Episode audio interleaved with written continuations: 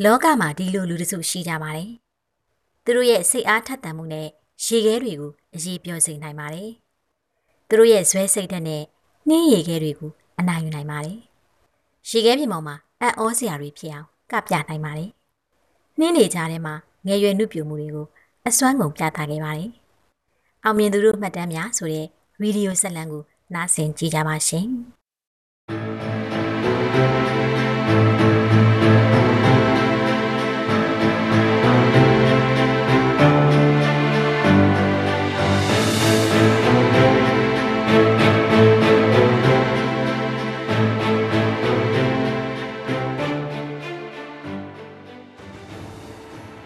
နေ့ပြောပြခြင်းတဲ့ဇတ်လန်းလေးကတရုတ်နိုင်ငံအရှေ့မြောက်ပိုင်းဒေသကအန်ဆန်းလို့ခေါ်တဲ့မြို့ပြတစ်ခုကနေစပြောရပါမယ်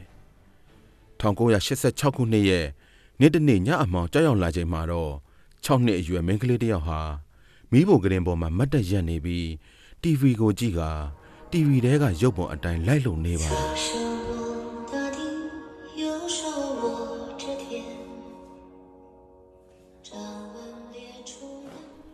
ဒီအချိန်မှာအမေဖြစ်သူကခောက်ဆွဲစလုံးကြီးကိုကရင်အဆက်မှာတင်လိုက်ပြီးတန်တန်ဘာလုပ်နေရလဲထမင်းစားတော့လေမေမေတမီဒီယာတင်ခြင်းနဲ့တင်ပေါ့နေမဲဝန်အောင်ရနဲ့အမြဲအတူတူဆော့နေရမလားသူတင်တာတွေ့လို့နေလန်းလိုက်တင်ချင်တာမလားမနေ့ပြန်ကြရင်မေမေစုံစမ်းပြီးလိုက်ပို့ပေးမယ်နော်အဲ့ဒီ6နှစ်သားမိန်းကလေးရဲ့နာမည်ဟာကောတန်တန်ပါငငယ်တုန်းကသူမမှာစာပေအနုပညာအိမ်မက်ရှိခဲ့ဘူးပါတယ်နေ့တိုင်းလိုလို TV ကပြတဲ့အစီအစဉ်တွေကအတိုင်းလိုက်လုံတက်ပါတယ်ဒါဟာသူမရဲ့ကလေးဘဝမှာအပျော်ရွှင်ရဆုံးအချိန်ပဲဖြစ်ပါတယ်ဒါပေမဲ့အဲ့ဒီနေ့မှာတော့သူမအမေဟာ TV မှာဘာပြနေမှန်းသတိမထားမိပဲနဲ့သူမကိုဂျုံမအကစားတင်ကျင်နဲ့မှတ်ပြီးနောက်တစ်နေ့မှသူမကိုဂျုံမအတင်နဲ့ပို့ပေးခဲ့မိပါတော့တယ်အတင်းနဲ့ရောက်တော့မှကောတန်တန်ဟာသူ့ထင်ထားတာနဲ့ တက်တက်ဆင်လွဲနေမှန်းသိလိုက်ရပြီးတော့မေမေမှားနေပြီတမီတင်နေတာတရားမဟုတ်ဘူးတမီကအကတင်ခြင်းနာဟဲမကမာပြီတော့အမေကသူမကိုပြန်ခေါ်သွားဖို့လုပ်နေချိန်မှာပဲနီးပြဆရာက အခုလိုပြောလိုက်ပါတယ်ကလေးကခန္ဓာကိုယ်အချိုးစားမစိုးဘူးဗျအားကစားလုပ်လို့ကောင်းတယ်သူ့ကိုပေးစမ်းကြည့်ပါလားဗျอืมဒါလေးရတာပဲဒါတင်လည်းအတူတူပါပဲလေစမ်းကြည့်တာပေါ့ နီးပြဆရာရဲ့အကြံပေးချက်ကို အမေကသဘောတူလက်ခံလိုက်ပါတယ်ဂျိုမန်အကစားလေ့ကျင့်ရေးဟာအလွန်ပင်ပန်းကြမ်းတမ်းပါတယ်လေ့ကျင့်ရေးပမာဏနဲ့ခက်ခဲမှုတွေကိုဂျိုမန်အသင်းတွေကကလေးတွေရဲ့မျက်ရည်ဝိုင်းနေသောအကြည့်တွေကနေမြင်တွေ့နိုင်ပါတယ်ဒီလိုနဲ့ပဲကော်တန်နတ်ဟာအလွဲလွဲအချော်ချော်နဲ့အန်ဆန်ဂျိုမန်အသင်းမှာငယ်ဘဝကိုဖျက်ဆီးခဲ့ရပါတော့တယ်သူမဟာကြိုးကြိုးဆားဆားနဲ့လေ့ကျင့်ခဲ့ပြီးတော့ငယ်ငယ်ကလေးကအရှုံးမပေးတတ်တဲ့စိတ်ဓာတ်တွေကြောင့် သူမဟာအတင်းထဲကဂျုံမဆရာမကြီးတစ်ယောက်ဖြစ်လာခဲ့ပါတယ်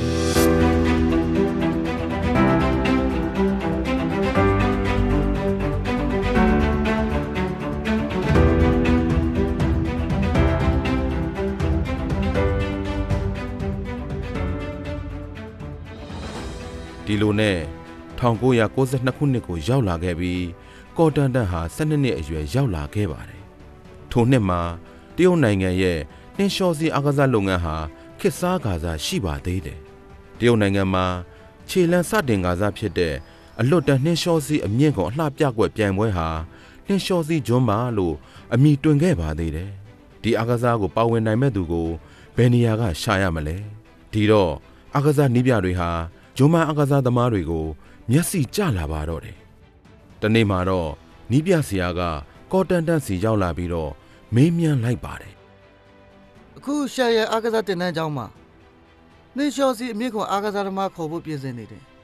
အဲ့ဒါဆရာတို့စီမှာလူလာရွေးမယ်နေစမ်းကြည့်မလားဆရာသမီးနှင်းလျှောမရှိဘူးအလွန်ဆုံးကုန်းပေါ်ကနေပြင်းပြားနဲ့လျှောစီရပဲဆော့ဘူးလားအခြားအဆိုသမီးလည်းမဆော့တတ်ဘူးအမြင့်ခုံဆိုတော့ဖြစ်ပါမလားဆရာတို့ဂျွန်းမကစားတဲ့သူကပိုအားတာတယ်သူတို့နီးပြလေအရင်တော့ဂျွန်းမဆရာပဲလေပြီးတော့သူကပြောသေးတယ် လေ့ကျင့်ရေးရလဲဂျွန်းမလေ့ကျင့်ရေးနဲ့တိတ်မကွာဘူးတဲ့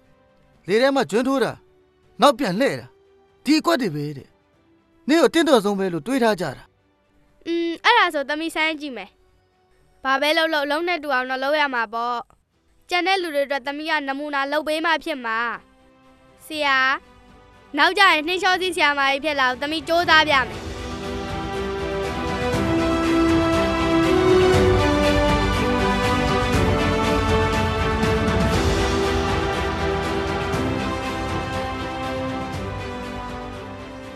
ဒီလုံနဲ့ပဲကောတန်နတ်ဟာ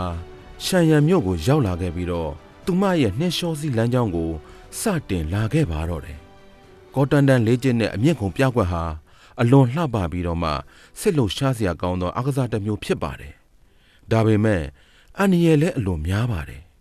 နှင်းလျှောစီအကစားသမားကစစ်မြင့်ဘောကနေခုန်ပြီးဆမ်မီတာနဲ့အထက်လေထဲမှာဂျွန်းတိုလှက်ပတ်ပြက်ရမှာဖြစ်တာကြောင့်ဒဏ်ရာရနိုင်ခြေလည်းများပါတယ်1992ခုနှစ်တွင် တရုတ်ပြည်တွင်းမှာလေ့ကျင့်ရေးစက်ကရိယာပစ္စည်းများလိုအပ်တဲ့အပြင်ကော်တန်တန်ရဲ့နှင်းလျှော့စီနီးပြစရာခြံဟုံပင်းတော်မှဂျိုမန်အားကစားကနေလိုင်းပြောင်းလာတာဖြစ်ပါတယ်။နှင်းလျှော့စီအားကစားလိုင်းမှာတော့အခြေခံလုံးဝမရှိတာကြောင့်အကုန်လုံးတက်သားတစ်တွေလိုဖြစ်နေကြပါတယ်။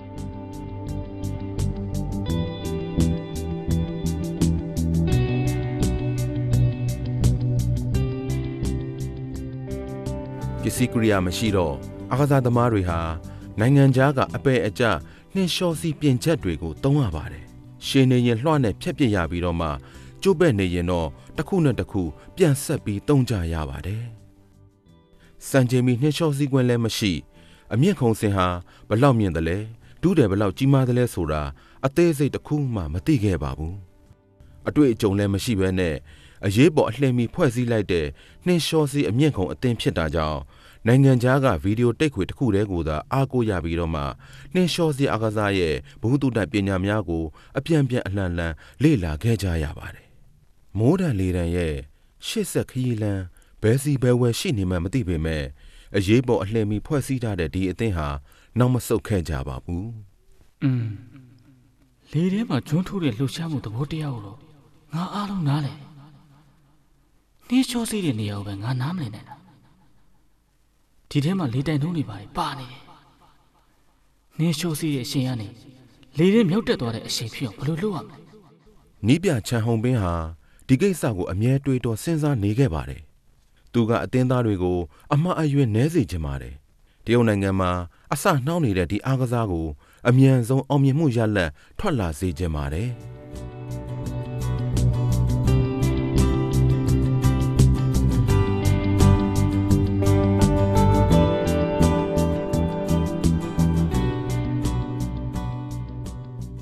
မနက်9နာရီမိုးလင်းချိန်တွင်ချန်ဟုံပင်းကအတင်းသားများကိုနှင်းလျှောစီးပြင်ချက်ထမ်းပြီးတော့တောင်ထိပ်ပေါ်သို့တက်လာခဲ့ကြပါတယ်။အတင်းသားတွေကလည်းအရန်တက်ကြွနေကြပါတယ်။ဘာကြောင့်လဲဆိုရင်ဒါဟာပထမဆုံးအကြိမ်အခန်းပြင်မှာအမြင့်ခုံပြကွက်ကိုလက်တွေ့လေ့ကျင့်ခြင်းပဲဖြစ်ပါတယ်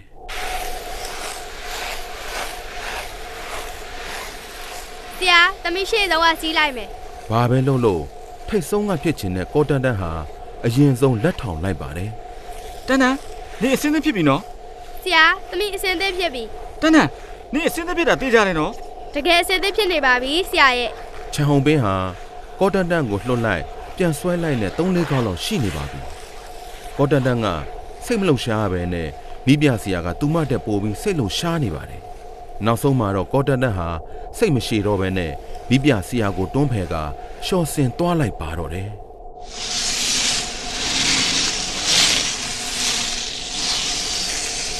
ဝါးအရမ်းမိုက်တယ်လေထဲမှာပြန်နေရတယ်လို့ပဲကောတန်တန်ရဲ့မကြောက်မရွံ့နဲ့ပထမအောင်ဆုံးအချိန်နှင်းလျှောစီးပြီးတော့တဘာဝတရားကြီးတဲ့ဝင်ရောက်သွားပုံကိုကြည့်ရင်းနဲ့နီးပြချန်ဟုံပင်းကတော့အတော်လေးစိုးရိမ်နေမိတာကြောင့်တောင်ထိပ်ပေါ်ကနေအတန်ကုန်လှမ်းអော်လိုက်ပါတော့တယ်ရှောလာတကယ်ပြန်မွေးလမ်းနဲ့မတူဘူးဒီပင်ကြီးတွေတွေ့ရင်ရှောင်းကျလို့မရရင်ဖေးကိုလက်ချပြလိုက်ချန်ဟုံပင်းထင်ထားတဲ့အတိုင်းကောတန်တန်ဟာတောက်လျှောက်ရှော့ဆင်းသွားရင်းနဲ့ရုတ်တရက်ဘလို့ရရမှန်းမသိတော့တာကြောင့် ဘုံကနေဆိုတဲ့အတန်တစ်ချက်နဲ့အတူကောတန်တန်ဟာတစ်ပင်ကြီးကိုတက်တက်ဝင်ဆောက်မိပါတော့တယ်အိမ်လည်းပြဲသွားပြီးတော့မှတကိုယ်လုံးနှင်းတွေပိတ်ကျန်နေပါတယ်အနောက်မှာအသင်းဖော်တွေကြည့်နေတာကိုသတိရမိလို့ကောတန်တန်ဟာနားတဲ့ကျင်းတွေတွေလုံမနေနိုင်တော့ဘဲနဲ့မြန်မြန်မတ်တက်ရက်ကနှင်းလျှောစီးပြင်ချက်ကိုပတ်ရင်းနဲ့တောင်ထိပ်ပေါ်ကိုထော့နဲ့ထော့နဲ့နဲ့ပြန်တက်သွားပါတော့တယ်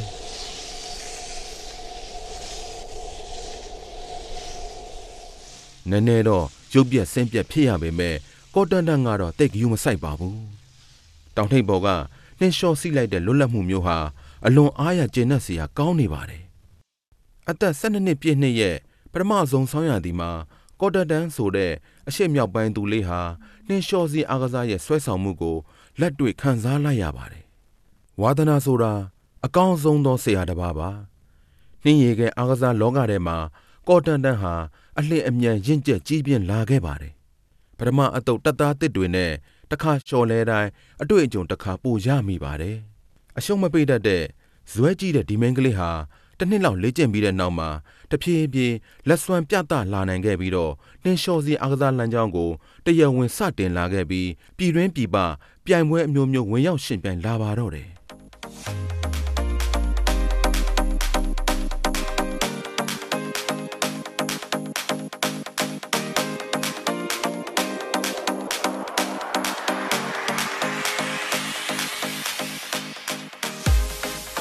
1998ခုနှစ်မဲလ်ဘုန်းမြို့အလွတ်တန်းနှင်းလျှောစီအားကစားဩစတြေးလျနိုင်ငံအခြေစိုက်ကမ္ဘာ့ဖလားပြိုင်ပွဲမှာတော့အသက်18နှစ်အရွယ်ကော်တန်နက်ဟာပြိုင်ဘက်အသီးသီးကိုအနိုင်ယူပြီးတော့ဘိုလ်လူပွဲသို့တက်ရောက်နိုင်ခဲ့ပါတယ်။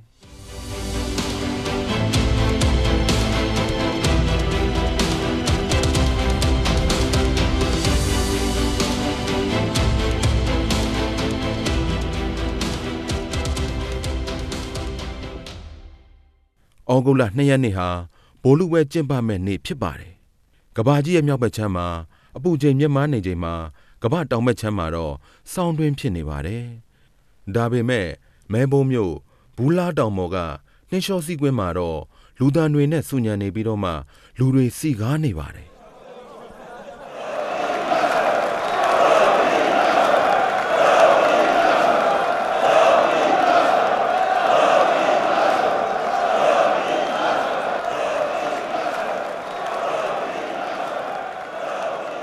အားပေးတံတွေဟာအဆက်မပြတ်မြည်ဟင်းနေပါတယ်။ကော်တန်တန်ဟာ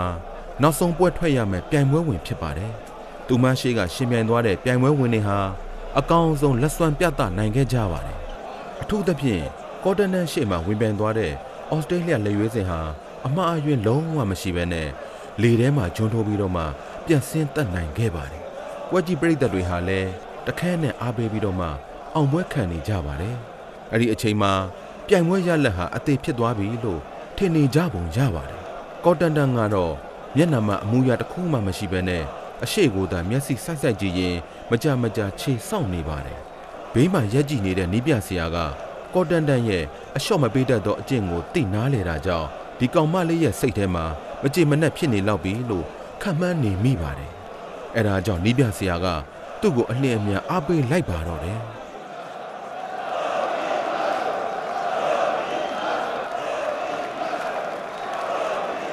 တန်းတန်းစိတ်မလို့ရှားနဲ့ဘာမှမစင်းစားနဲ့လုံးနေတယ်တော့ပဲလို့ဆရာသမီးစမ်းကိုလှုပ်ကြည့်ခြင်းနေဒီတစ်ခေါက် B46 ကိုရအောင်လှုပ်ကြည့်ရင်ကောင်းမလားတန်းတန်းဆရာတို့ဒီတစ်ခေါက်ပြန်ဘက်ကဩစတြေးလျအမေရိကန်ကနေဒါလက်ရွေးစင်တွေအကုန်လုံးဆရာကြီးတွေပဲဖိအားရှိတယ်လို့လုံးဝမတွေးနဲ့နော်ဆရာတို့ကိုတက်နေတယ်တော့ပဲလှုပ်ကြအောင်ခဏနေရင်ဆရာတို့လေ့ကျင့်တော့အတိုင်းပုံမှန်လက်စွမ်းပြနိုင်တော်ပြီ B46 ကတမီးလေးအခုတလုံးမှစလေ့ကျင့်တာမဟုတ်လား တမီးတေချာလို့လားဆရာသူတို့အရန်တော်နေလို့သမီးကအစွမ်းကိုစူးစမ်းကြည့်ချင်နေတာပေါ့ဒီဟာလင်းကားခောက်ပဲလေးကြည့်ရသေးလို့တိတ်မပိုင်နိုင်သေးတာမှန်ပဲဒါပေမဲ့သမီးကတော့စူးစမ်းကြည့်တင်တယ်လို့ထင်တယ်သူတို့နှင်းလျှောစီအားကစားမှလေသမီးတို့တရုတ်လူမျိုးတွေကမညံ့ဘူးဆိုတာကိုပြချင်တယ်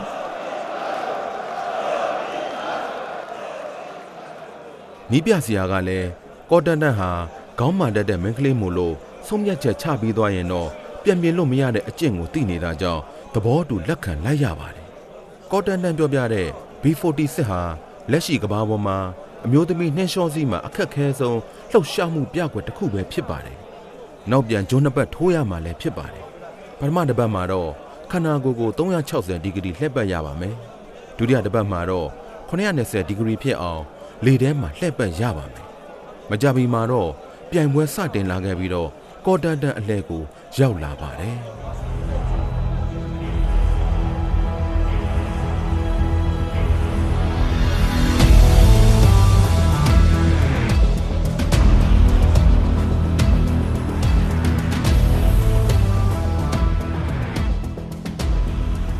သူမဟာစိတ်ဖိစီးမှုတွေစိတ်လှုပ်ရှားမှုတွေအားလုံးကိုမေ့ဖျောက်လိုက်ပြီးအာယုံစွတ်စွတ်ဆိုက်ဆိုက်နဲ့အရင်တုန်းကလေ့ကျင့်ခဲ့တဲ့အတိုင်းနှင်းလျှောစီ လေထဲခုံဂျွန်းတစ်ပတ်ပြည့်ဂျွန်းတစ်ပတ်ပြစ်ပြီးမြေပေါ်ပြန်ခုန်ဆင်းလိုက်ပါတယ်မြေပြင်ပေါ်သို့သူမအမှားယွင်းမရှိ ပြန်ကျလာချိန်မှာတော့ကွင်းတစ်ခုလုံးကပထမတော့ငြိမ်သက်သွားပြီးတော့မှရုတ်တရက်ပွက်လောရိုက်သွားကြပါတယ်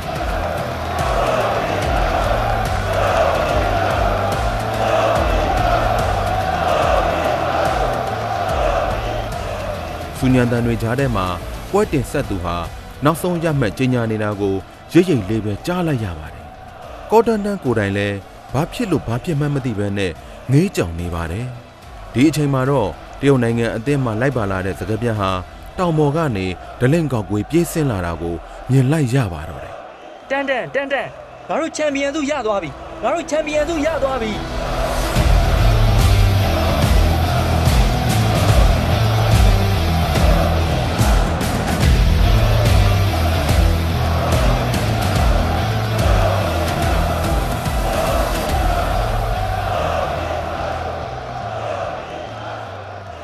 ကော်တန်တန်ဟာစိတ်လှုပ်ရှားလွန်းလို့မျက်လုံးတွေပြူးပြီးဗစက်အဟောင်းသားဖြစ်နေရမှထိမ့်မိရပဲနဲ့မျက်ရည်ကျလာမိပါတော့တယ်။သူမနားနဲ့တော့မယုံနိုင်အောင်ဖြစ်သွားခဲ့ပါတယ်။ဒီအချိန်ခါကိုသူမစောင့်ဆိုင်းခဲ့တာကြာလွန်းခဲ့ပါပြီ။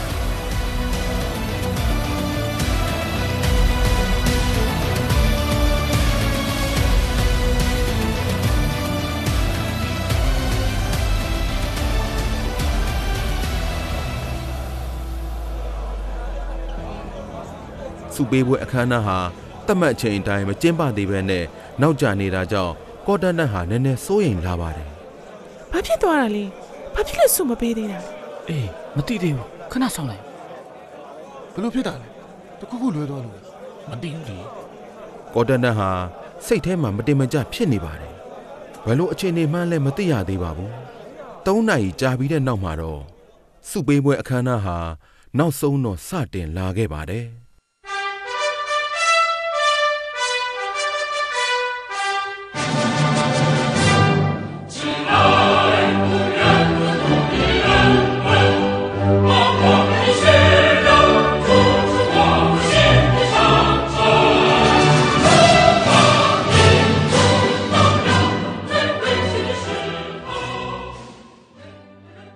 တော့မှပွဲစီစဉ်ရေးကော်မတီကတရုတ်အားကစားသမားကိုနှင်းလျှောစီကမ္ဘာဖလားပြိုင်ပွဲမှာချန်ပီယံဆုစုခုနိုင်မယ်လို့မထင်ထားတာကြောင့်သူတို့ဟာဘာတစ်ခုမှမပြင်ဆင်ထားမိပဲမဲလ်ဘုန်းမြို့ကတရုတ်တန်ယုံမှာတရုတ်အလံကိုတွားငားပြီးတော့မှတေးဂီတအဖွဲ့တစ်ခုအရေးပေါ်ဖွဲ့စည်းကတရုတ်နိုင်ငံတော်တချင်းကိုတီးမှုတ်လိုက်ရတယ်ဆိုတာကိုသူတို့သိလိုက်ရပါတော့တယ်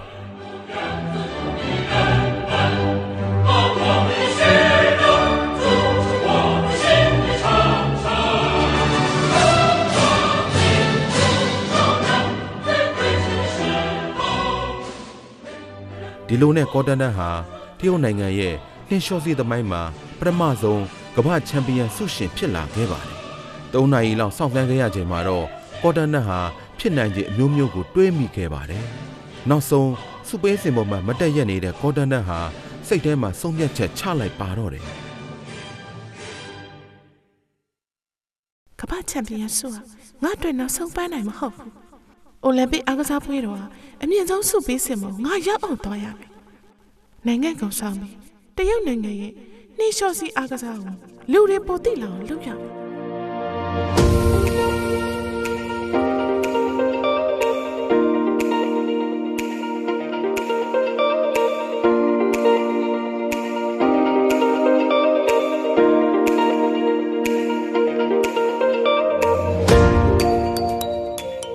ကမ္ဘာဖလားနဲ့အတူ ဂုံတိတ်ခါအပြည့်နဲ့ပြန်ရောက်လာခဲ့ပြီးတော့ကော်တန်တန်ဟာအိုလံပစ်မှာချန်ပီယံဆုလူယူဖို့ဖြစ်နိုင်ခြေရှိသောပုံကိုယ်တစ်ယောက်ဖြစ်လာပါတယ်။